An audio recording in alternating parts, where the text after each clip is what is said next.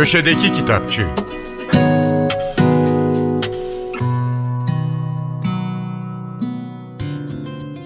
Merhaba, ben Adnan Bostancıoğlu. Alman yazar Viktor Glass'ın gerçek mahkeme kayıtlarından yararlanarak yazdığı Göte'nin İnfazı isimli kitap, Türkiye İş Bankası Kültür Yayınlarından çıktı. Kitabı dilimize Regaip Minareci çevirmiş. Viktor Glass'ın gerçek adı Dieter Walter. 1950 Iserlohn, Almanya doğumlu. Boğum'daki Ruhr Üniversitesi'nde eğitim, gazetecilik ve sinoloji alanlarında öğrenim gördüm. 1980'den itibaren yazar, çevirmen ve gazeteci olarak çalıştı. 1990'larda daha çok Avusturya üzerine gezi rehberleri hazırladı. 1998'de de biyografik kitapları için hayalet yazarlık yapmaya başladı. 2008 yılında Dizel adlı kitabı yayımlandı. Bunu bir yıl sonra Göte'nin infazı izledi. Ardından başka kitaplar geldi. Victor Glass Göte'nin infazında kadınların tarih boyunca çektiği acıları dile getirirken, Göte'den yola çıkarak ünlü yazar, siyasetçi ve doğa bilimcinin portresini çiziyor. Kitap aynı zamanda sınıflar arasındaki uçuruma odaklanıyor. 1783 kışı Genç Johanna Katerina Höhn, Weimar'daki bir değirmende hizmetçidir. En ağır işleri yapmasına, donmuş nehirden su almaya gitmesine, çoğu zaman aç olmasına rağmen sızlayan bedeni anlamadığı bir şekilde her geçen gün büyümeye devam etmektedir. Hamile olduğunu anladığında ise doğuma neredeyse haftalar kalmıştır.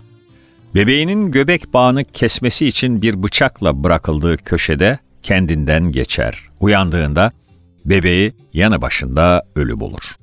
Aynı günlerde Johann Wolfgang von Goethe ününün doruklarındadır. Yakın zamanda soyluluk mertebesine yükseltilmiş, aynı zamanda Maliye Bakanı olmuştur. Katerina Höhn'ün davasında fikir bildirmesi gerekir. Soru şudur, danışman Göte'nin kararı belirleyebilecek tavsiyesi, bebeğini öldürmekle suçlanan bir hizmetçinin infazından mı yoksa affından mı yana olacaktır? Kanadalı yazar Courtney Summers'ın Bu Bir Tatbikat Değildir isimli romanı yabancı yayınlarından çıktı. Romanı dilimize Melda Dinçel çevirmiş. Bu bir tatbikat değildir, paranormal unsurların da olduğu bir zombi hikayesi. Dünyanın sonu gelmişti. Hayatta kalmayı başaran 6 öğrenci Cortage Lisesi'ne sığınmıştı ancak dışarıdaki ölüler kapıları yumruklayıp dururken orada da rahat etmelerine imkan yoktu. Her şey tek bir ısıra bakıyordu. 6 ay önce hayatı alt üst olan Slow and Price sabırsızlıkla barikatların yıkılmasını beklerken ya da kendini dışarıda kol gezen ölümün kollarına atmanın bir yolunu bulmaya çalışırken, gerçekten yaşamak isteyen beş kişinin gözünden kıyamete tanıklık etmek zorunda kalacaktı.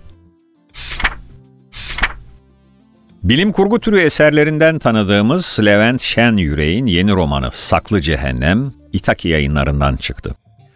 Levent Şen Yürek 1975 İstanbul doğumlu. Mühendislik eğitimi aldı, farklı kurumlarda mühendislik ve araştırmacılık görevleri üstlendi. Çeşitli öykü yarışmalarında ödüller kazandı. İlk kitabı kısa öykülerden oluşan Çıldırtan kitaptı. Daha sonra Alacagöl Efsanesi, Cennetin Kalıntıları, İsa'yı Beklemek ve Rüya Gören adlı romanları yayınlandı. Saklı Cehennem için romanın arka kapağında şöyle denilmiş. Bilim ile kurgu arasında salınan eserleriyle tanıdığımız Levent Şen Yürek, yeni romanında da okuru benzer bir gelgite sürüklüyor, ikilemde bırakıyor. Saklı Cehennem, konforlu hale getirdiğimizi düşündüğümüz yaşantılarımızı biraz olsun sorguladığımızda, bizleri bekleyen o aydınlanma anını hatırlatan bir distopya. Memduh Şevket Esendal'ın öykülerinden bir seçme Hürriyet Gelirken adıyla Yapı Kredi yayınlarından çıktı. Hürriyet gelirken de 1908-1925 yılları arasında yazılmış, çoğu süreli yayınlarda çıkmış ve 1983'ten sonra günümüz harflerine çevrilerek kitaplara girmiş Esendal öyküleri bulunuyor. Bunlardan 1925 yılında Meslek gazetesinde yayımlanmış 12 öykü, eski harfli yazımıyla karşılaştırılarak düzeltildi. 1909 yılında Tanin gazetesinde çıkmış Rüyada adlı öykü ise ilk kez günümüz harfleriyle yayımlanıyor. Herkese iyi okumalar, hoşçakalın.